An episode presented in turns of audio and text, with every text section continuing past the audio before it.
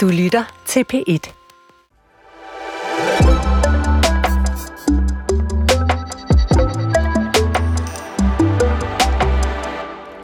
En gang var fremtiden noget med flyvende biler, onde robotter og rummad i tuber.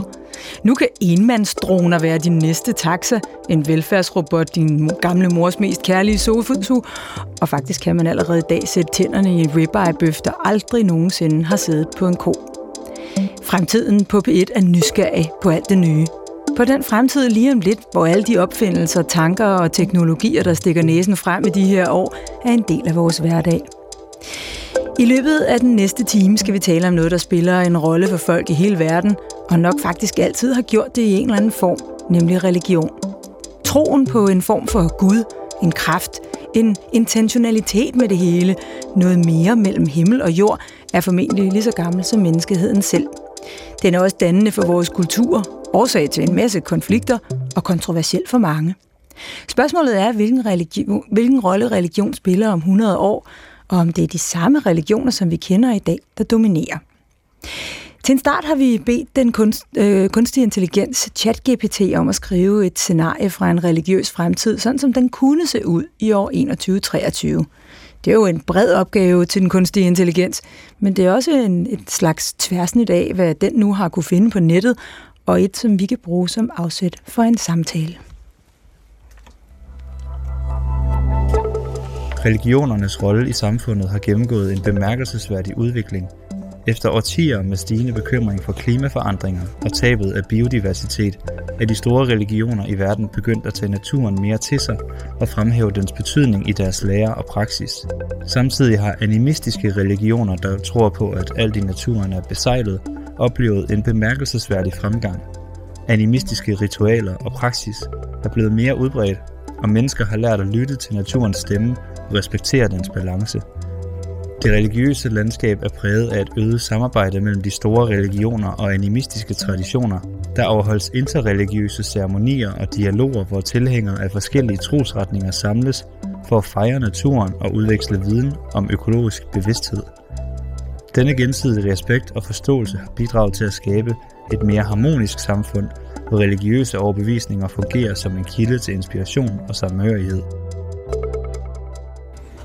Peder Byberg, øh, hvad synes du om det her øh, scenarie? Er det, er, det, en fremtid, du kan se for dig? Altså, jeg bliver nok nødt til at sige, at en del af det, det må man jo øh, kigge med hatten for den her GPT-robot, øh, og sige, mm. den har den har fat i nogle ting. Øh, forstået på den måde, jeg tror både øh, jeg og Jens André er enige om, at at animisme vil komme til at spille eller en, en, en, en væsentlig mere rolle på grund af, at øh, verden forandrer sig, mm. fordi vi har den her klimakrise nu. Så jeg er sådan set enig i den del af det. Mm. Men jeg vil godt forholde mig lidt kritisk over for sådan den der store come together øh, og rundkreds, øh, fakkelbærende, krammebamse, opløsning af alle øh, religionerne i sådan en gensidig øh, respekt for hinanden. Den ser jeg ikke lige komme. Ja, hvorfor? Fordi at øh, religioner er et produkt, ligesom alle mulige andre kulturprodukter. Og hvis jeg skal sælge dig en Coca-Cola, så kan jeg ikke gøre det med præmissen om, at du lige så godt kunne købe en Pepsi. Wow. Altså, det er, det er helt simpelt der, vi er. Du er på en arena sammen med mange andre religioner, hvor der er et, et, et konkurrencefelt. Det betyder selvfølgelig ikke, at der bliver, ikke bliver dannet alliancer eller hvis man skal oversætte det til sådan en, en, øh, en, en markedsting, sådan, der kan dannes religiøse karteller, hvor at religionerne begynder at samarbejde med hinanden. Men det vil altså ikke være sådan en rundkreds. Det er, det er sådan en uh, næsten helt merkantil læsning af, af religionens rolle, du uh, lægger op til her. Ja, men der er jo et merkantilt aspekt ja. i religion, fordi ja. religion koster penge. Altså hvis vi sidder, hvis, uh, vi sidder fire mennesker og, uh, og vil prøve at påkalde din bedstemor ja. i en kælder i Vandløse, ja. så skal vi jo også have en, øh, en, øh, en pose Karen Wolf småkager og noget rød gevalie. Og så kan det godt være, at vi slår os sammen for det, at vi skal smide 25 kroner hver, men der er økonomi i det. Ja. Og, hvis jeg, og hvis jeg har valgt den ene, så kan jeg ikke også samtidig vælge den anden. Så, så der er en konkurrence. Jo, altså det, er, altså det der med, at der er den der eksklusivitetstanke inden for religionerne, ja. den er egentlig ret ny. Altså det er, det er noget, der kommer ind med, med kristendommen, hvor du får den her my way or the highway. Før det, der kunne du bare shoppe rundt, øh, som du havde lyst til, uden at der var noget problem med det. Alt det her, det er selvfølgelig øh, temaer, som vi, øh, vi kommer ind på øh, i den næste times tid. Jens André Herbner, hvad siger du til det her fremtidsscenarie? Har det noget kørende for sig? Jeg tror, det afhænger meget af, hvilken type samfund vi får i, i fremtiden. Ikke fordi der er nødvendigvis er sådan et et-til-et forhold mellem, mellem samfund og, og religion, men ofte så er der en, en ret væsentlig øh, sammenhæng. Jeg tænker, at, at øh, skulle vi nu formå at løse den her klimakrise, biodiversitetskrise osv. Altså ikke på nødvendigvis på nogen let eller, eller elegant måde, men skulle vi kunne undgå de værste katastrofer, så kan jeg sagtens se for mig, at vi i lang tid fremover, så vil vi stadigvæk opleve, at kristendom og islam og hinduisme og buddhisme, altså verdens fire største religioner i dag, at de vil blive ved med at dominere. Jeg kan også sagtens se for mig, at animistiske religioner vil komme til at spille en, en større rolle. Og animisme, jeg tror, det blev sagt, at det har noget at gøre med, at, at naturen er besejlet. Øh, jeg ved ikke, hvad de mener med det. Det har noget at gøre med, at naturen er besjælet man finder nogle forskellige former for, for ikke-menneskelige personer derude. Det er bare lige at få, få det helt på plads. Øh, om der skulle komme et decideret samarbejde mellem animistiske religioner og for eksempel kristendom og islam, det er også lidt forbeholdende overfor. Mm. Fordi øh, kristendom og islam, de er jo traditionelt, som Peter også påpeger, de er eksklusivistiske. Mm. Altså vi har monopol på sandhed, vi har monopol på frelse, vi har monopol på, på Gud. Men altså, hvem ved, om, om de her religioner også undergår større eller mindre transformationer? Alle religioner forandrer sig hele tiden i større eller mindre grad. Det betyder ikke, at alt er, er det samme, slet ikke. Men altså, jeg kan da ikke udelukke, at man på det her tidspunkt vil komme til at opleve, at der vil være dele eller betydelige dele af de store religioner, der ser et, det som for eksempel en fordel at samarbejde med, med animistisk religion, der breder sig mere og mere. Manden, I hører tale her, er, øh, hvis jeg skal introducere ham øh, lidt nærmere, Jens André Herbner, som er øh, magart i religionshistorie og forhørt også semitisk filologi, altså religionshistoriker. Og jeg kommer til at tænke på, Jens André, når du siger de her ting. Øhm, jeg skal starte med at sige, at en af de øh, ting, du selv er meget engageret i, øh, udover at være religionshistoriker, det er det, du kalder økokrati, øh, som øh, plæderer for en samfundsmodel, der giver meget bedre plads til andre arter end lige præcis mennesker mm. på planeten. Men altså i dag er du her øh, som religionshistoriker. Når du nu taler om øh, de, de religioner, vi kender, de store verdensreligioner, vi kender, og en, nogle animistiske religioner, og en situation, hvor vi, mm, hvor vi har, giver mere plads til, til naturen, hvor klimakrisen er en del. Ser du egentlig for dig, at vi kan integrere det hensyn ind i de store eksisterende religioner? Eller skal vi opfinde nogle helt nye for at kunne tage det hensyn? Altså, der arbejdes jo inden for de store religioner, inden for dele af de store religioner, kristendom og islam og hinduisme og buddhisme, på at, at man i højere grad skal, skal tage hensyn til, til klimaet og til, til naturen. Det er helt klart. Altså, man kalder fænomenet the, the greening of religion. Nogle bruger sågar det bombastiske udtryk, den grønne revolution eller den økologiske vending, men det mener jeg nu helt klart, at det er, det er at, at give det alt for stor, stor betydning.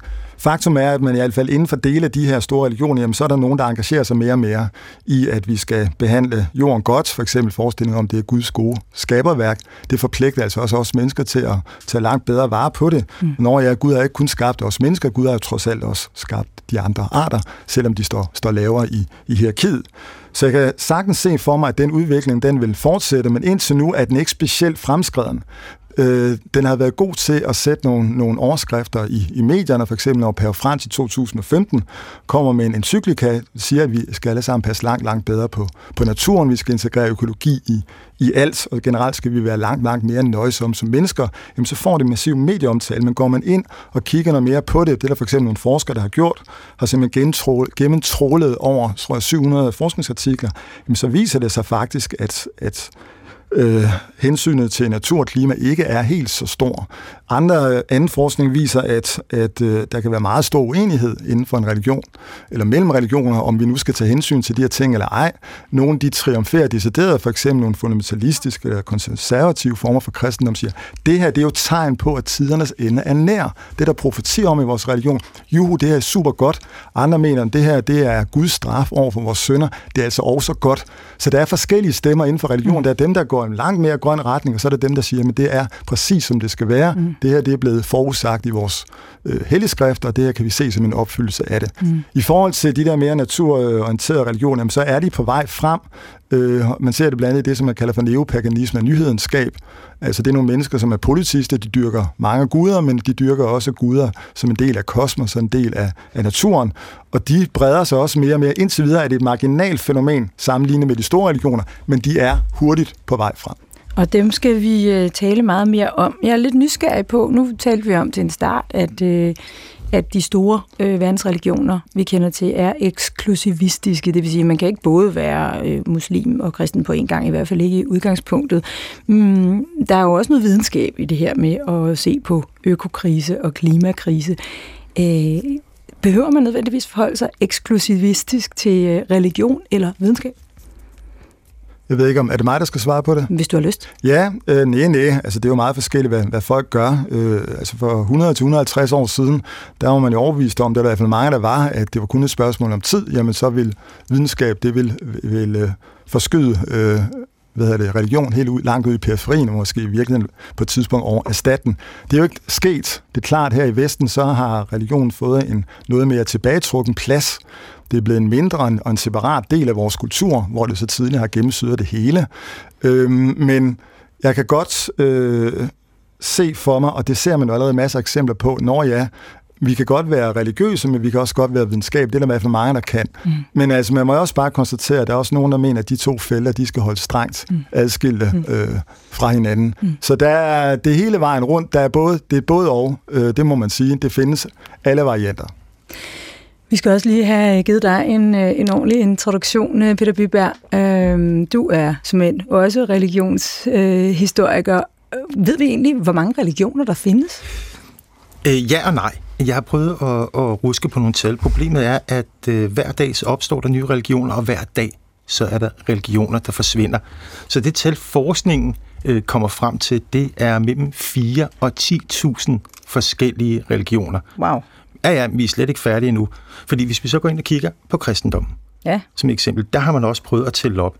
Der findes der 33.000 og 95 forskellige registrerede denominationer, altså forskellige typer af kristendom.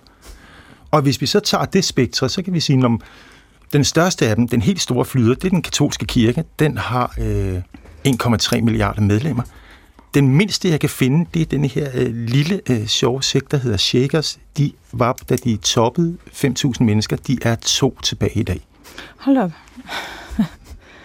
Okay, og det er bare inden for kristendom? Det er bare inden for kristendom. Eller, og, og faktisk, det er ja. bare inden for kristendom. Og så kan vi jo gå, gøre det endnu større og sige, at enhver, der konsumerer religion, producerer også religion. Ja. Altså, der er ikke to mennesker, der tror på nøjagtigt den samme ting. Så hvis man kan sige, hvor mange religioner er der, så kan man sige, at der er lige så mange religioner, som der er mennesker. Hmm. Det er jo meget relativt. Ja.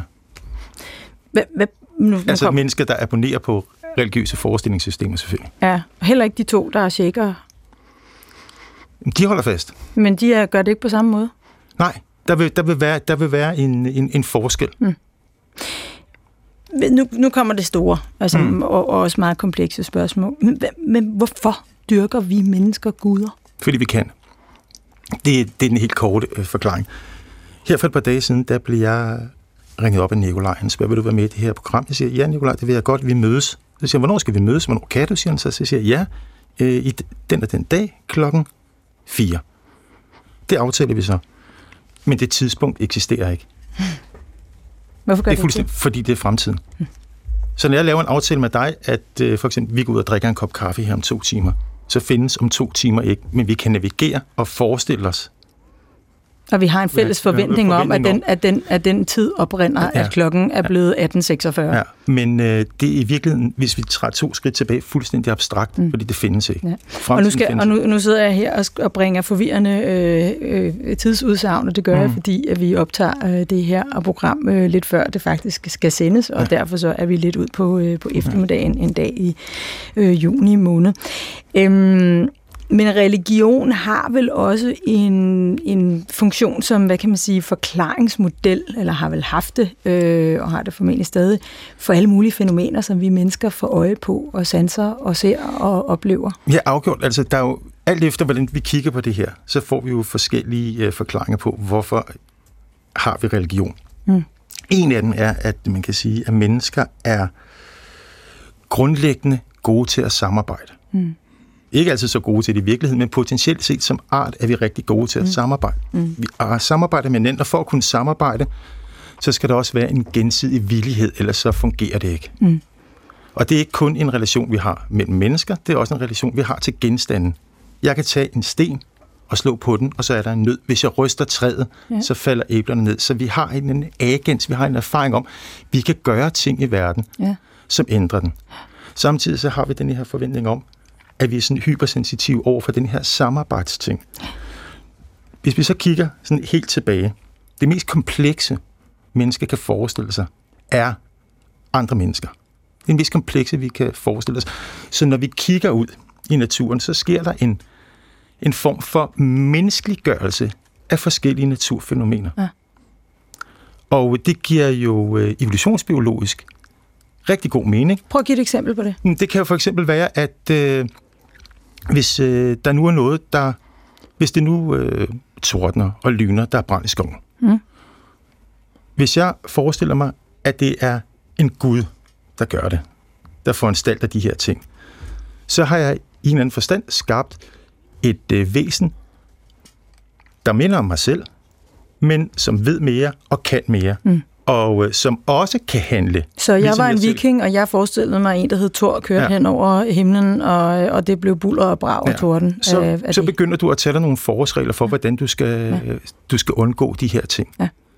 Og øh, hvis du bruger, altså hvis du så forestiller sig, at det er en eller anden form for det, man kan kalde et transempirisk væsen, altså et, et menneske, som et, et eller andet sted er på et højere niveau end os andre, ja. men som vi også skal genkende, så er der mange flere parametre, ja vi kan forholde os til, ja.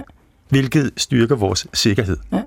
Okay. Og så vil jeg stille det samme spørgsmål, eller måske øh, øh, næsten i hvert fald, øh, som, jeg, som jeg lige stillede øh, øh lige før. Mm, hvis vi skal bruge Thor, eller den hammer, han går med, eller mm. hvad det måtte være. Mm. Blandt andet til at forklare for os, hvorfor at det buller og brager, og måske oven i købet i sidste ende brænder i skoven. Mm. Mm. Bliver religion så mere eller mindre overflødiggjort, når nu vi pludselig har en videnskab, der kommer og siger, no, nej, det var faktisk ikke derfor, det bullerede og bragede, det gjorde det på grund af nogle forskellige temperaturer øh, i, i de luftarter, øh, der var langt nej, oppe i luften? Nej, det gør det ikke. Altså, nogle religioner går under, fordi enten fordi, at de øh, ikke længere, altså de mangler en aktualitet, mm. andre de øh, bliver udryddet på grund af rå politisk vold og magt. Ja. Altså, det er ligesom de to ja. hovedspor, vi kan gå i. Øh, der har været mange antagelser om, som Jens André også nævnte, at religionen vil forsvinde med videnskabernes indtog på scenen. Men det har de ikke gjort. Øh, typisk vil man have strategier, der hedder, når det vi ikke kan forklare videnskabeligt, der kan vi lige kile øh, religionen ind, eller guden ind, eller man kan sige, øh, de her to domæner, altså det værtslige, det religiøse og det ikke-religiøse, har intet med hinanden at gøre. Der er også religioner, der inddrager øh, videnskaben, som de så hakker op i det, vi kalder scientisme, som ikke har noget med, med videnskab at gøre, men som er, at man formidler religiøse idéer i mm. videnskabeligt sprog. For eksempel er der nogle kreationister, som, som øh, siger, om dinosaurerne findes ikke. Hvad var dinosaurer egentlig? Så siger de, at fireben det vokser hele livet, og hvis vi kigger på de gamle testamentlige øh, tekster, så kan vi se, at folk de bliver, øh, bliver yngre og yngre og yngre og yngre. Så dinosaurer var i virkeligheden øh, øh meget gamle fire, fireben, fire, fireben, der bare havde vokset sig rigtig, rigtig store, og øh, derfor er jorden ikke mere end 10.000 år gammel. Ja. Ja. Som et eksempel på de her øh, strategier. Der er ja. intet, der tyder på, at vidensk- altså, videnskaberne bliver ja. bare approprieret som et kulturfænomen ja. og bliver ja. en del af religiøs innovation. Inden vi øh, skifter gear og begynder at kigge på fremtidens øh, religioner, så lad os lige prøve at kigge, hvor vi er i dag, hvis vi bare lige fokuserer på, øh, på Danmark øh, et øjeblik. Vi er jo øh, i udgangspunktet det, man kan kalde et kristent land. Øhm, men der er jo hvert år relativt mange mennesker, der beslutter sig for øh, ikke at vil være en del af, af vores øh, folkekirke længere. Sidste år var der faktisk øh, 12.751 af os, der øh, besluttede sig for ikke at være det mere. Resten af os bliver måske nok øh, døbt og gift og, øh, og, og på en eller anden måde begravet øh, af i, øh, i kirken. Men Peter hvor meget vil, vil du synes, at man kan sige, at vi øh, i Danmark, sådan i bred forstand, godt jeg generaliserer, hmm. definerer os selv ud fra religion i dag? Øh, det, det, det, det er et svært spørgsmål, fordi der, ja. er, der, der er jo altid et religiøst brutto og et religiøst netto. Ja. Det vil sige, du har hele den her store øh, dundrende af pakke af dogmer og doktriner, ja. men de er flydende og amorfe og tilpasser sig. Så spørgsmålet om der er mere eller mindre religion, er rigtig svært at svare på. De er flydende og amorfe? Ja, det vil sige, Hvad betyder en, det? Det vil sige, at, at, at vi har nogle idéer om, at sådan og sådan er det. For eksempel, dogmerne de er flydende, ikke? Altså, det vil sige, at de, det, som inden for religionerne virker som fuldstændig, eller udtalt, øh, formidlet som fuldstændig uforanderlige og bestandte, og ikke til at rokke ved, kan vi som religionshistorikere se forandre sig over tid. Og når jeg siger amorfe, så er det fordi, at de glider over i andre religionsformer også. Ja. Der findes ikke det her religiøse øh, renheitsberuf. Altså religioner øh, befrugter hinanden og låner for hinanden. Mm. Der er ikke sådan en, mm. en, en solarisk religion, der, der cirkler rundt på en ø, som ikke er påvirket af alle mulige andre kulturelle indtryk, også og, og, måske, og måske også af, af, af de ting, der nu øh, foregår i samfundet. Altså at vi nu øh, for eksempel har en, en klimakrise ja, ja. Og, og skal... Ingen tvivl om det. Ja. Ingen tvivl om det. Mm. Altså, der er jo, øh, vi havde jo her i, øh, i øh, 2020 der kom der en ny bibeloversættelse, og i den gamle bibeloversættelse, der hed det, at øh, mennesket var sat til at herske over jorden. Og så kommer den her 2020-oversættelse, hvor at, øh, Jens, der retter mig lige, hvis det er forkert, at, at mennesket er sat til at passe på jorden. Til at tage ansvar for. Til at tage ansvar, ansvar for. Til at tage ansvar for. Tidligere stod der herske, nu står der tage ansvar ja, for. Ja. Så vi er gået fra, at, øh, at, at, at, at teksten har konstitueret mennesket som en eller anden form for proxy-diktator ja. over jorden til at være en omsorgsmedarbejder. det, det var en meget god måde at, udtrykke det. Er du enig i, at det er øh, sådan øh, i polemisk forstand, sådan man skal læse den, øh, altså den forskel i, i oversættelsen? ja, ja. Altså tidligere, der har det været helt centralt, og det står sådan set også i, i selve teksten på hebraisk. Jeg læser hebraisk, ja. at mennesket skal herske over, over de andre dyr. Øh, men så får vi alt det her med klimakrise, naturkrise, miljøkrise osv., så, videre. så finder vi ud af, det var måske ikke helt så godt, måske er vi gået for langt ud af den landevej. Mm. Øhm, og det er et problematisk sted, fordi legitimerer det her ikke, at menneskets rovdrift og udnyttelse af naturen osv., så, videre, så er der nogen, der finder ud af, at selve det her ord herske, det optræder også i andre steder, andre kontekster i den hebraiske bibel, hvor det nogle gange også for eksempel kan vedrøre en konge, der skal passe på osv. Så, videre. så måske kunne det godt også have den her betydning at tage ansvar for. Det er så en betydning, man først her er blevet opmærksom på efter et par tusind år. Og det skyldes selvfølgelig i udpræget grad, at vi har de her globale planetære kriser, ja. Og at man gerne vil fremstille, hvad hedder det, er mennesket til at, at være en omsorgsfuld forvalter, i stedet for en, en omsorgsfuld eller meget hård diktator, hersker over for andre. Og, og, og, og reflekterer det også, at vi øh, på det her tidspunkt, altså for et par tusind år siden, eller hvornår det er, øh, har set naturen i højere grad som en fjende? Det noget, der, skulle, noget, der ville, ville os det ondt? Altså konteksten var jo fuldstændig radikal for anderledes her for to eller to og et halvt tusind år øh, siden. Der havde man jo ikke nogen som helst øh, naturkrise af den art, som vi, vi kender til i dag. Altså man skal regne med, at den her myte, som vi har i, i første Mosebog, ka, kapitel 1 der, den, den har sit ophav i en landbrugskultur. Mm. Så det er øh, en landbrugskulturs syn på, på, på andre arter. Hvad er det for en myte? Jamen, det er første Mosebog, øh, kapitel 1, hvor der står, at Gud har skabt, øh, jorden har skabt mennesket. Skabelsesberetning. Øh, ja, lige præcis. Ja, skabelsesmyter. Vi foretrækker ordet myter. Hvorfor? Fordi øh, det er noget helt andet end, end, end videnskaben. Det er radikalt, øh, lad os sige, sige det modsatte. Det er nogle religiøse forestillinger om, hvordan øh, verden blev til, hvordan mennesket blev til, hvordan menneskets skabende mm. øh, kultur blev til, og nogle myter kan også vedrøre fremtiden, eksempel verdens undergang og sådan noget. Inden, og her kan man jo sige, at, at det her det har sit, sit ophav og sin baggrund i en landbrugskultur. Det er set ud fra en bundemands synsvinkel. Bundemanden han skal øh, rydde natur. Det er helt centralt for, at han kan have sin mark. Han skal have nogle husdyr, dem skal han herske over. Og alle andre arter, de skal underkaste sig øh, bundemanden. Altså på en eller anden måde med, med opfindelsen af landbruget, det sker så for allerede 11.000 år siden, mm.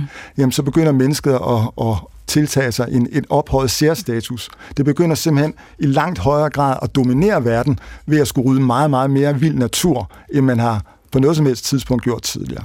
Så hvis nu vi nu, nu taler vi lidt om de store verdensreligioner lige nu, altså om, om, øh, om jødedommen, øh, om kristendommen, om, om islam, som sådan er kommet lidt øh, efter hinanden, kan man sige. Mm. Hvad var før da? Øhm, Altså, der var rigtig mange forskellige typer religion, men de religioner, som var umiddelbart før, øh, det er det, som man ofte kalder bare for politiske religioner. Øh, religioner, hvor man dyrker mange guder. Det er de her religioner, som man fandt i det gamle Rom og det gamle Grækenland, og det gamle Ægypten, det gamle Norden, det gamle Irak, som man i oldtiden kaldte for, for Mesopotamien. Og det, det gik ud på, det er, at det, der var helt centralt, øh, det var jo, at man skulle dyrke nogle guder, som befandt sig i nogle templer, i form af sådan en lille gudstatue, og når man dyrkede de her guder, jamen så ville de til gengæld sørge for, at man fik en masse velsignelse. Og man kalder derfor også de her politistiske religioner, før de store monoteistiske religioner, for velsignelsesreligioner. De sørgede for, at vi fik masser af frugtbarhed på marken, masser af korn, sørgede for, at vi fik masser af børn, vi sørgede for, at vi fik masser af husdyr. De sørgede for at skærme os mod krig, øh, mod sygdomme, mod insektangreb. Det var simpelthen helt centralt og helt særligt. Generelt havde man så også et grundlæggende positivt syn på, på den her verden, og det er ikke noget, det er ikke nogen selvfølge, man har. Det er tværtimod de religioner, som afløser de politiske religioner. Kristendom, islam, hinduisme og buddhisme, de får faktisk et på mange måder verdens negativt eller verdens skeptisk syn på den her verden. Mm. Hvorfor, øh, hvorfor skifter man guder gennem tiden? Altså, der er to der, der er to hovedspor i det her. Enten så kan de ikke længere levere varen, og så dør religionerne ud. Mm. Det gør de også i dag, når de forsvinder. Eller ja. også så er det jo ved, ved Som du sagde, ro og brutal så, vold. Så bliver de ja, så, nedkæmpet. Ja, så bliver de nedkæmpet. Fordi vi kæmper om, hvem der har ja. retten til sandheden. Mm. Eller noget af den stil. Ja. Vi skal, vi skal se mere på, øh, på lige præcis det, men øh, nu skal vi øh, prøve at se, om vi kan kigge lidt længere øh, frem i tiden.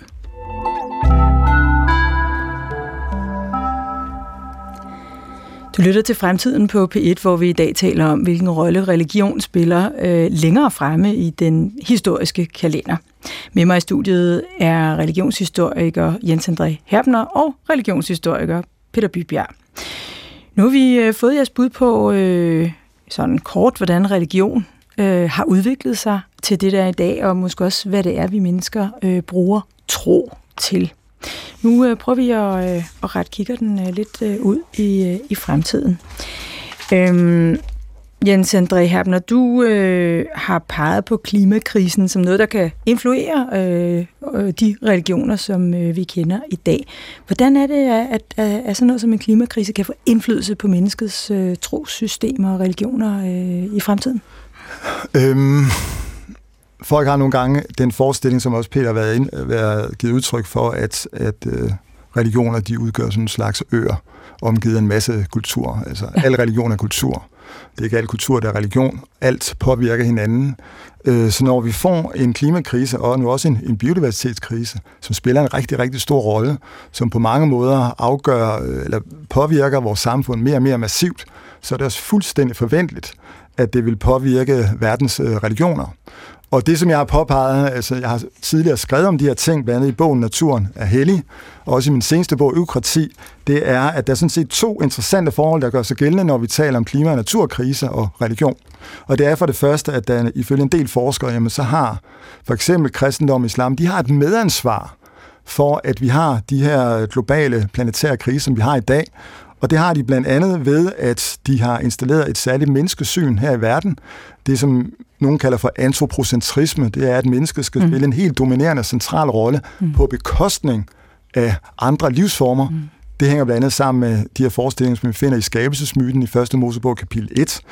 Øh, det hænger også sammen med et særligt natur på, et særligt syn på, på den resterende del af naturen som ressourcer, som råstoffer. I hvert fald ikke noget, som er besjælet, ikke noget, som, hvor vi finder øh, personer eller guder eller ånder, som vi finder i tidligere religioner. Og ikke noget, der, må, der skal eksistere i egen ret, først Nej, og fremmest. præcis. Og det andet aspekt, som jeg synes, man skal hæfte sig ved i forhold til religion og klimakrise, det er jo, at nu er det altså også nogen inden for de store religioner, der vil prøve at tage et medansvar for at løse de her kriser. Mm. Og det vil de jo blandt andet gøre ved at hævde, at deres religion i virkeligheden ret forstået absolut øh, er favorabel over for at passe på, på jorden og på, på naturen og på klimaet, når man tidligere har haft den opfattelse, det vil man simpelthen gerne indrømme, at det har man, så har man bare ikke ret forstået de her religioner, man har misforstået dem.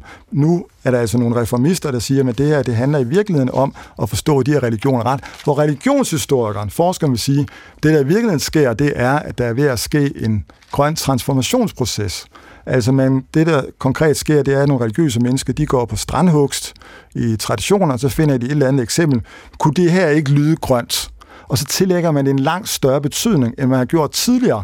Selve princippet, det at man går ind og påvirker ens fortolkning af det, der sker ude i verden, det er ikke noget nyt overhovedet. Det sker hele tiden. Er det så en, øh, altså nu startede vi med at have en ret merkantil læsning af, hvad, mm. hvad religioner, øh, hvordan religioner egentlig opfører sig. Er, mm. er det bare et forsøg på at følge med tiden, og når der er sgu et nyt paradigme her, det melder vi os lige lidt ind i for at være, for at være moderne, eller, eller skal man se det som et udtryk for, at, at, at den øh, specifikke trosretning forsøger at give nogle svar på de øh, problemer og fænomener, vi møder?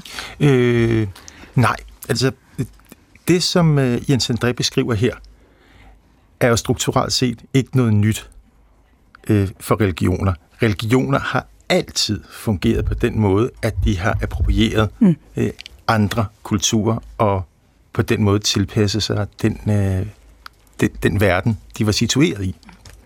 Så der er sådan set ikke noget nyt i det.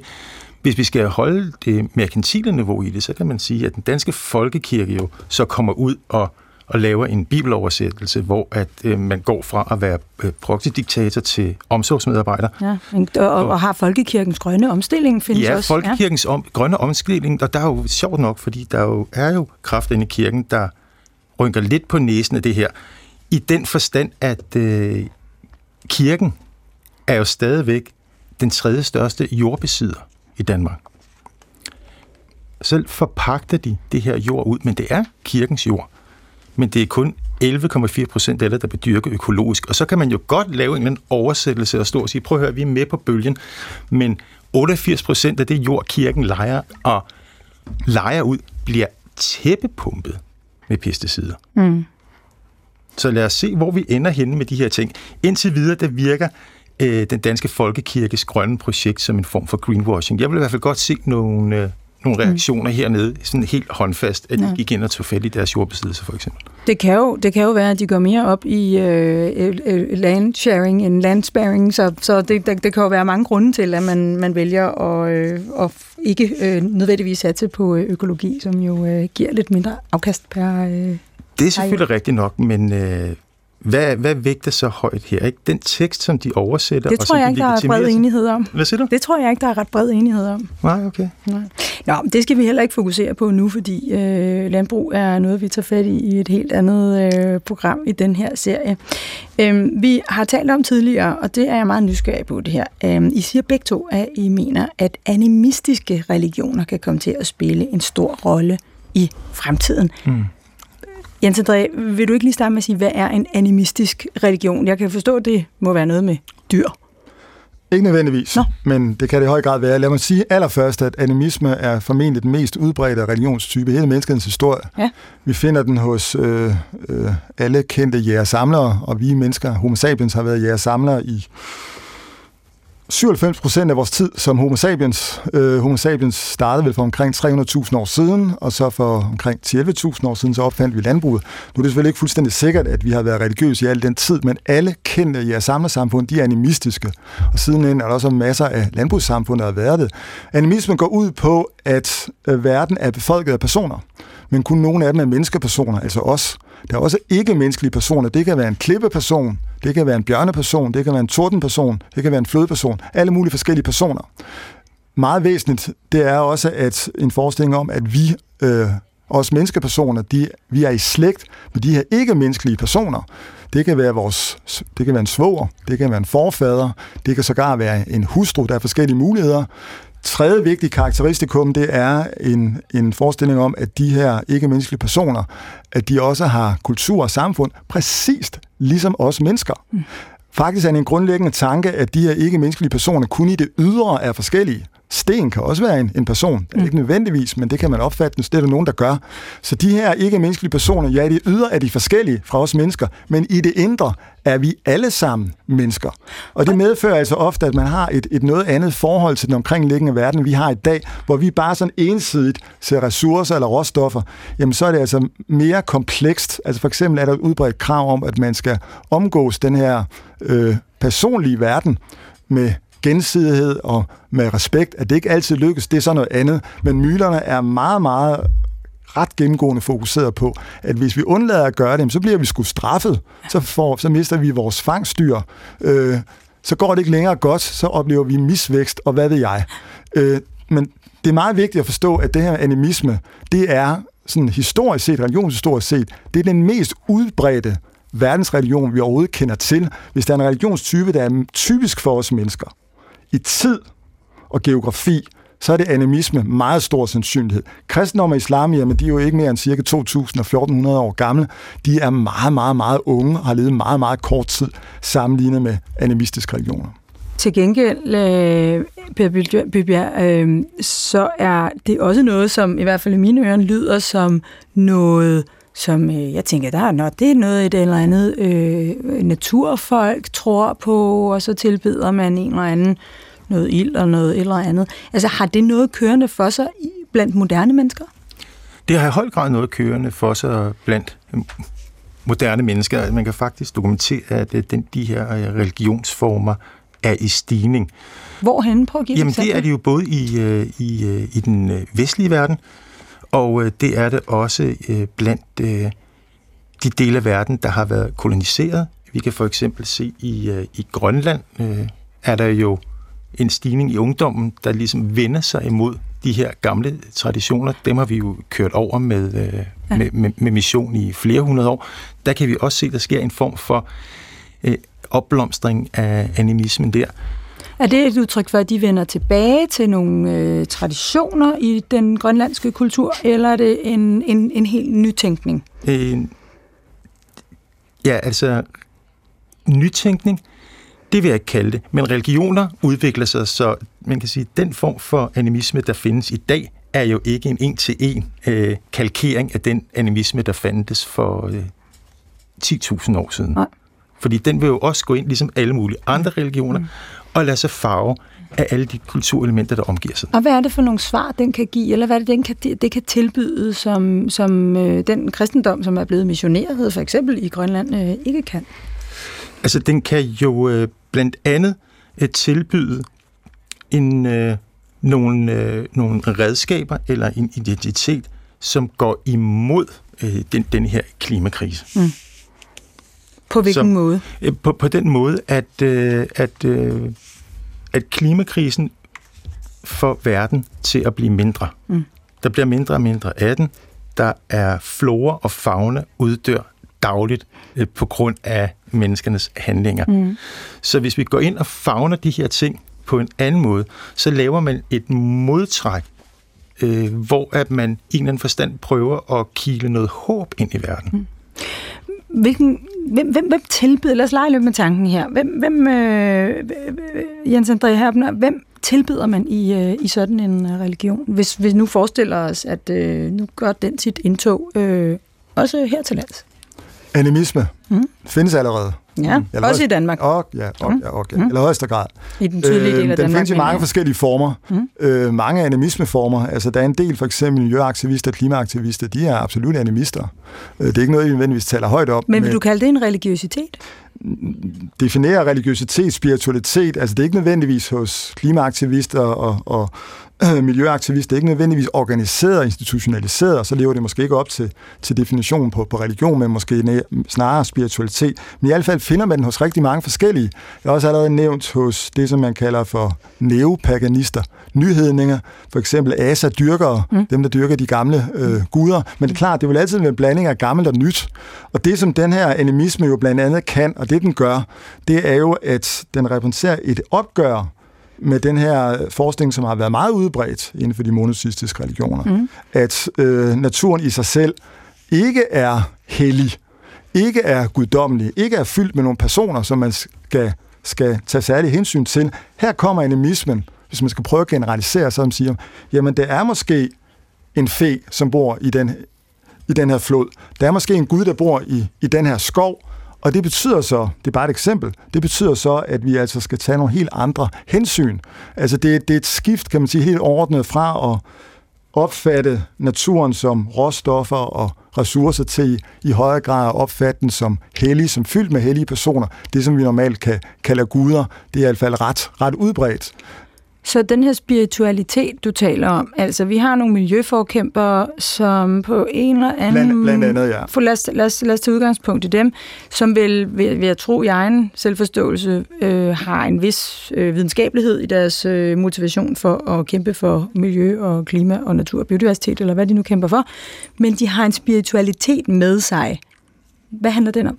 Jamen, den handler netop om at se på verden på en anden måde. Og det interessante er jo, at det med videnskaben, det er klart, at videnskaben er hele fundamentet for al deres klimaaktivisme, men det er også meget interessant, at hvis du ser på moderne biologi, den er jo på mange måder revolutioneret vores syn mm. på ikke-menneskelige væsener, mm. hvor vi tidligere, når man bare så dem som en slags ting eller automater, jamen så hvis vi konsulterer rigtig meget biologi, jamen så opdager hov, det der dyr, det er faktisk bevidst.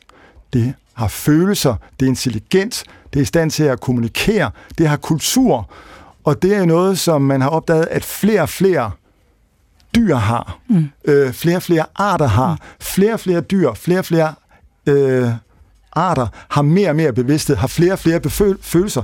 Og det er jo pudsigt nok, at det falder jo ret på nogle punkter sammen med animistiske forestillinger om, at der er nogle ja. personer, som har følelser, som har bevidsthed, som skaber kultur, ud over mennesker. Så det ene kan altså godt samme eksistere, eller nogle gange sågar gensidigt befrugte hinanden. Så, og, og, og, og dermed begynder man jo så også at knytte en eller anden form for moral til det. Altså hvis det forholder sig sådan, så skal man også opføre sig på en eller anden måde ordentligt over for det. Er det er det, det der giver øh, en, en, noget, der minder om en, en religiøsitet, øh, når vi taler om, om, om den her bevægelse?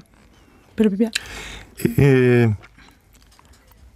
der er jo altid øh, gradueringer af det her, mm. som mm. øh, mm. Jens André sagde. Og for nogen, altså nogen øh, neopagane eller animister, øh, vil være aktiv i klimabevægelsen. Mm. Og der vil det her være sådan full on. Mm.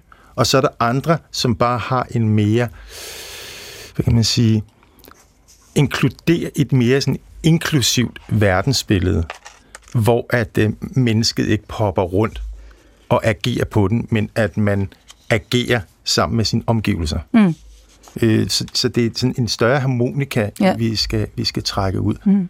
Det er også, lad mig lige tilføje, at der er jo masser af, af øh, animister i Danmark, som ikke er engageret i aktivisme. Ja, ja. Mm. Altså, dem ja, ja. findes der også øh, det, som man kalder for neo-shamanister, ja. altså folk, der er interesseret i for eksempel at tage øh, kaktusen peyote, eller øh, hvad hedder det, plantebryggen fra Sydamerika, ayahuasca og sådan nogle ja. ting. Altså, der, der er også nogen, som, som når ja, animisme er centralt, og vi går absolut op i naturen, men vi er ikke engageret i aktivisme. Mm. Den findes der også masser af. Kan man se for sig, at animisme kan øh, have, altså integreres ind i nogle af de store verdensreligioner? Altså, kan man have en, en, en grad af animisme inde i sin kristendom? Ja, ja, ja, ja, ja. Ikke noget problem. Altså, det, altså kristendommen, hvis du nævner den som et eksempel. Det var bare et eksempel. Ja, jamen, den er, og den er god, fordi at... Øh, at kristendommen er i en anden forstand ekstrem, ekstremt livsduelig, fordi den evner at appropriere hvad som helst. Kristendommen er en af de få religioner, der kan gøre alt til kristent. Mm. Og derfor kan de her ting sagtens af over indoptages i kraft med, at vores, øh, vores verden mm. ændrer sig. Men tidligere vil jeg så tilføje, der har der nok været en tendens til, at man har ekskluderet de her øh, mm såkaldte naturguder og, og ånder. I hvert fald, hvis man ser på kirkens historie de første mange århundreder, så demoniserede man dem jo ofte, ja. mm. simpelthen som dæmoner og, og djævle. Øh, og, øh, eller også simpelthen, øh, slår man simpelthen bare fast i, at de ikke eksisterede. Men altså, det er fuldstændig rigtigt, at kristendommen er virkelig i stand til at fagne vidt og bredt, og der findes der helt klart også kristendomsformer i dag, som ikke har noget, og som aldrig vil slå sig lyd for, at nu skal vi altså udrydde det her, men som bare fredeligt, i hvert fald i det mindste samme eksisterer med det. Gælder det også øh, islam, jødedom, hinduisme? Hinduisme er øh, i høj grad, det store del af hinduisme er i høj grad animistisk. Mm. Det er simpelthen en integreret del ja. af det. Ja. Så der er slet ikke noget problem. Altså et godt eksempel, det er jo floden Ganges, der er en gudinde.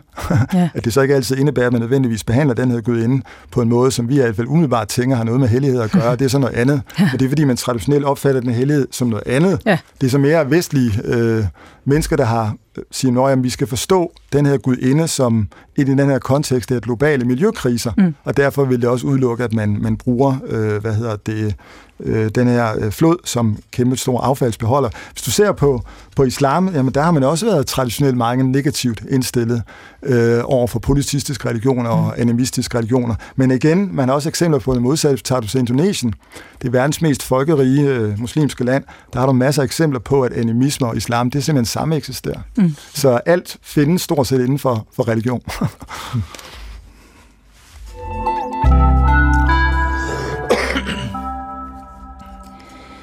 Du lytter til Fremtiden på P1, hvor vi i dag taler om, hvilken rolle religion spiller længere fremme i den historiske kalender. Med mig i studiet er religionshistorikerne Jens André Herbner og Peter Bybjerg. Øhm, vi øh, begyndte øh, udsendelsen med et øh, fremtidsscenarie, øh, og lige om lidt så vil jeg gerne have jeres hjælp til at øh, præcisere det lidt. Altså simpelthen gøre det lidt skarpere. Men inden vi øh, kommer dertil, så kunne jeg øh, godt tænke mig at nævne nogle af elementerne, som var i det oprindelige, øh, det oprindelige bud, som ChatGPT øh, forfattede til os. Og så, øh, så skal I svare, om I tror, at vi er nået dertil om 100 år eller ej. Så det er sådan en lille ja-nej-runde. Hmm. Okay. Øhm, Peter Bibjerg, øh, nutidens verdensreligioner har gjort naturen til en integreret del af deres trosretning. Ja eller nej? Det er tavligt, det der. øh, integreret del? Mm-hmm. Nej. Nej. Og Jens André Herbner, øh, animistiske religioner er vundet frem med nye, nye guder. Ja, ja, eller gamle guder.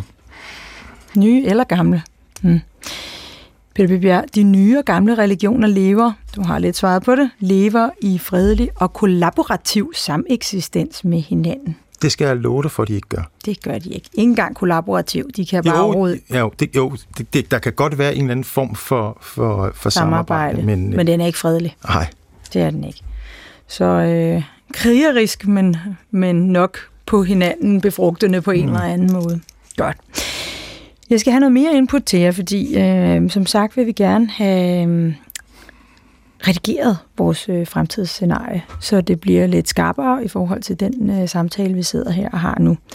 Så vi skal have puttet nogle flere nøgleord og nøglebegreber øh, og overbevisninger øh, eller analyser ind i, øh, i maskinen, og det vil jeg bede om jeres hjælp til. Hvilke ord og vendinger skal vi øh, føde ind i ChatGPT, øh, når vi skal prøve at gøre det fremtidsscenarie, vi startede med, mere øh, realistisk i jeres øjne? Vil du lægge for Peter? Ja, øh, vold. Vold. Terror. Terror. Øh, vrede. Vrede. Migration. Du er da en rigtig lille fremtidsoptimist, var? Ja, altså det er bare at se skriften på væggen. Migration. Øh, ja, øh, ja, animisme kan du også tage med. Animisme, den øh, havde vi allerede, ja. ja. Vil, du, øh, vil du tilføje nogen, Jens André Herbner? Civilisationernes kollaps. Civilisationernes kollaps. Civilisationernes overlevelse. Ja. Samfundstyper. Samfundstyper, hvad dækker det over? Det dækker for eksempel over, at hvis vores nuværende civilisationer de går under, det kan vi jo ikke udelukke, at de gør. Oh, ja. Så spørgsmålet, hvilke andre samfundstyper vi får, fordi det har stor betydning, ja. hvilke typer religion vi får. Ja. Skulle vi uh, fuldstændig smadre, mere eller mindre smadre alt, så vi vender, det tror jeg ganske vist ikke på, så vi vender tilbage til en slags ja, samlertilværelse, så ja. er der stor sandsynlighed for, at vi får helt andre typer religioner. Men ellers, klart, hvis vi får en, en hvis vi kommer til at opleve en lang fase øh, af kollaps og undergang og øh, krig om, om de mest basale ressourcer og en eksplosion i klimaflygtninge osv., jamen så er der måske også en stor sandsynlighed for, at vi kan få en masse dommedagsbevægelser, altså bevægelser, som er, er centreret om, at alt går under på et eller andet tidspunkt, eller de faktisk allerede er, er ved at ske, og derfor kan vi trække os tilbage fra verden. Der er også mulighed for, at vi får en masse radikaliserede bevægelser. Dommedagsbevægelser, radikaliserede bevægelser, ja, ek- de skal ekstremister også med. Mm. som mulighed. Ja. Det er også en mulighed. Det lyder som om religion i fremtiden kommer til at påvirke verden på en særdeles negativ måde. Ikke nødvendigvis. Nå. Det afhænger jo af, hvad der sker. Øh, og det er virkelig, det, det er selvfølgelig en total troisme, og det er selv præmisserne for det, at det er ufattelig svært at spå fremtiden. Ja. Øh, men det er klart, at normalt, medmindre man har store krige og store samfundsforandringer, jamen så maler religions jul ikke så, så vanvittigt hurtigt. Mm. Og om vi får nye religioner, så har de også tit nogle elementer fra ældre religioner. Nothing is ever lost, er der nogen, der siger. Altså, øh, vi får nyt, men over ja, vi bærer også elementer øh, videre fra, fra det gamle. Mm. Øh, der kom en masse, der startede en masse nye religioner her for 2.500 år siden. Man taler nogle gange om en religiøs revolution. En, en aksetid, hvor vi finder rødderne til jødedom, kristendom, islam, hinduisme og buddhisme. Og øh, det, der var helt centralt, det var nogle forestillinger om, at nu galt det altså om at på en eller anden måde at sige farvel til den her verden, til fordelen for en anden verden. Man taler om frelse øh, inden for kristendom og islam. Man taler om udfrielse, øh, forløsning inden for hinduisme og buddhisme. Farvel til genfødslen jul. Øh, man vil gerne opnå nirvana, som betyder udslukkelse. Så der var et meget, meget ne- verdens negativt, verdens skeptisk syn som, som var, var en udbredelse. Men det er klart, at den her religionstype, den var til at starte med forbeholdt mindre eliter, og kunne ikke blive en religion, som på en eller anden måde opretholdt et samfund. Så da de her religioner gik fra at være små sekter til massebevægelser, så begyndte man altså at optage elementer fra de tidligere religioner. Mm. Fester, hellige dage, overgangsritualer. Og derfor så tror jeg også, at, at øh, med mindre alt bliver knust, og det tror jeg ikke, det gør, jamen så vil fremtiden også blive en blanding af en masse af det, vi har i dag, men også øh, en, en hel del nyt. Det lyder ikke særlig originalt eller særlig våget, men det, der vil komme nye ting, men der er også en hel del af de gamle ting, der vil, der vil fortsætte i transformeret skikkelse. Det er i hvert fald sådan, religionens historie har været indtil nu. Ja. Nu øh, har jeg øh, ChatGPT's øh, reviderede øh, udgave af, af vores øh, fremtidsscenarie. Lad mig lige læse det for jer. I år 2123 præges religionens rolle i samfundet af både håb og udfordringer. På trods af tidligere perioder med religiøs vold og terror, har menneskeheden lært af fortiden og arbejder aktivt på at opbygge fred og sameksistens mellem forskellige trosretninger. I en verden præget af klimaforandringer og økonomisk ulighed har migrationen nået hidtil usete niveauer, og religion spiller en afgørende rolle i at støtte og integrere flygtninge, samt fremme gensidig forståelse mellem forskellige kulturer. Samtidig har animistiske religioner fået øget indflydelse i det mennesker søger en dybere forbindelse til naturen og værner om biodiversiteten. Mens nogle religion, mens nogle civilisationer undskyld, er kollapset på grund af ressourceknaphed, har visse samfund formået at overleve ved at genopdage bæredygtige livsformer og lokale fælles fællesskaber. I denne tid er nye samfundstyper opstået, hvor samarbejde og fællesskabsånd er i fokus. Der er en bevægelse væk fra individualisme og mod mere kollektive og solidariske strukturer, hvor mennesker deler ressourcer og ansvar. Dog har dommedagsbevægelser og radikalisering også fundet sted blandt visse grupper, der søger svar og sikkerhed i ekstreme religiøse fortolkninger. Det var lidt af det hele og meget, meget mere, og øh, utrolig modsætningsfyldt. Ja. ChatGPT er jo, øh, som andre kunstige intelligenser, så vidt jeg er orienteret, ikke klogere end det, vi øh, føder ind i den, og de opgaver, vi stiller den. Og det var jo en modsætningsfyldt opgave, vi, øh, vi stillede den. Må man sige. Ja. ja. Hvad, siger du, hvad siger du til scenariet, sådan som det tager sig ud nu? Det er sådan lidt mere halleluja optimistisk, ja. End, ja. end jeg er. Ja. Det må jeg skulle sige. Ja. Der er selvfølgelig også øh, klart, der bliver også nævnt de der muligheder for, at, at det kan gå galt, og, og vi også får andre typer religion. Men altså generelt det der med, så virker det på en eller anden måde religiøst, utopisk, næsten sådan millenaristisk, at vi går en fremtid i møde, hvor vi på alle, eller i hvert fald mange væsentlige områder, jamen så vil vi få løst problemerne. Jeg ser næsten for mig en eller anden øh, fremtidsvision, i en eller anden, fra en eller anden kristen sekt, når ja, hvor vi alle sammen står og holder hinanden. Spiller guitar og synger en sang. Holder, ja. holder hinanden i, i, i hænderne. ja. øh, og det tror jeg altså ikke rigtigt på. Nej. Generelt så mener jeg, at mennesker måske er lovligt, øh, lovligt overvurderet, og vi har lavet ganske forfærdelige ting. Samtidig med, at videnskaben har vundet voldsomt frem de sidste 120 år, så har vi også oplevet to forfærdelige verdenskrige for første gang nogensinde. Vi har oplevet holocauster, gulag, opfindelsen af atomvåben og to krig, to planetære kriser, klima og biodiversitet, som i sidste ende i værste fald kan øh, udrydde rigtig mange arter, og voldsomt også begrænse vores egen. Så øh, at det her så skulle om 100 år, at vi så på en eller anden måde skulle, skulle nå frem til en, en, en voldsom forbrødring. Jeg har ikke den tillid til, til mennesker til menneskeheden. generelt. Hvis man siger, hvis man siger øh, vi, vi, vi har nogle mennesker, altså vi har en menneskehed, som hvis natur det åbenbart er, og, og vil være bjergsom og vil have noget, de andre har. Samtidig har vi bragt os i en situation, hvor vi for eksempel ved udslettelse af naturen og ødelæggelse af biodiversitet mærker meget tydelige konsekvenser af den klimakrise, mm. vi har. Kan det forene os i, i noget af den fredelige sameksistens, som ChatGPT synes, at den kan, den, den kan finde øh, belæg for i det her øh, scenarie? Øh, nej. Altså, det er jeg, jeg, jeg, jeg, jeg må altså give, uh, give Jens André øh, ret her. Der er for meget ja, halleluja. Der er simpelthen for meget. Altså, der er sådan en, det er som om, at den er sådan en, en det vi har gør med sådan en jahats GPT-teolog, øh, ja. der sidder og snakker, hvor vi får den her fortælling om, ja, der kommer Altså, der, der er noget undergang, og det var ikke særlig godt, men vi ender ligesom... Men vi ender alligevel med, at synes, vi hinanden er rigtig Vi fjende. ender ligesom ja. i sådan en, en stor øh, fredsring rundt om Irma, og alting er godt, og de lukker ikke Irma, ikke? altså, det er et eller andet sted, der hvor den, den, den kører sig hen. Det var bare en ond drøm, ikke? Øh, du, skal, du skal nok kunne få din mulepose til sommer. Altså, Bjerg, Bjerg, nu synes, jeg, nu synes jeg, det bliver helt kedeligt, at vi startede med at skulle forestille os fremtidens religion, og nu er vi tilbage i at stå i ring rundt om Irma. Ja. det pædagogisk greb.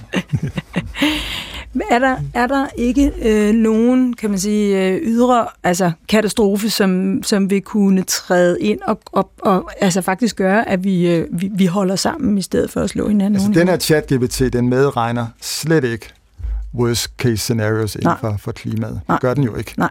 Altså hvor vi får øh, flere meters øh, havvandsstigninger, Nej.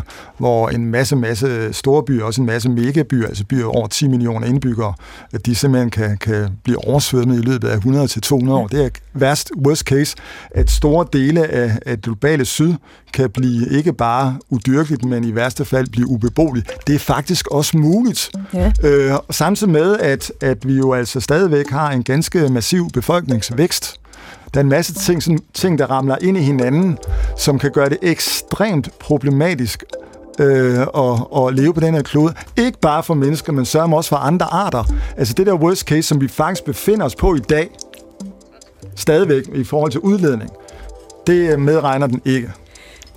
Og således øh, slutter vi, øh, nu vil jeg nærmest kalde det dagens dystopi, øh, fordi fremtiden for religion ser øh, unægteligt øh, lidt øh, pessimistisk ud, hvis man spørger vores gæster i dag, som altså var religionshistorikerne Jens André Herbner og Peter Bybjerg.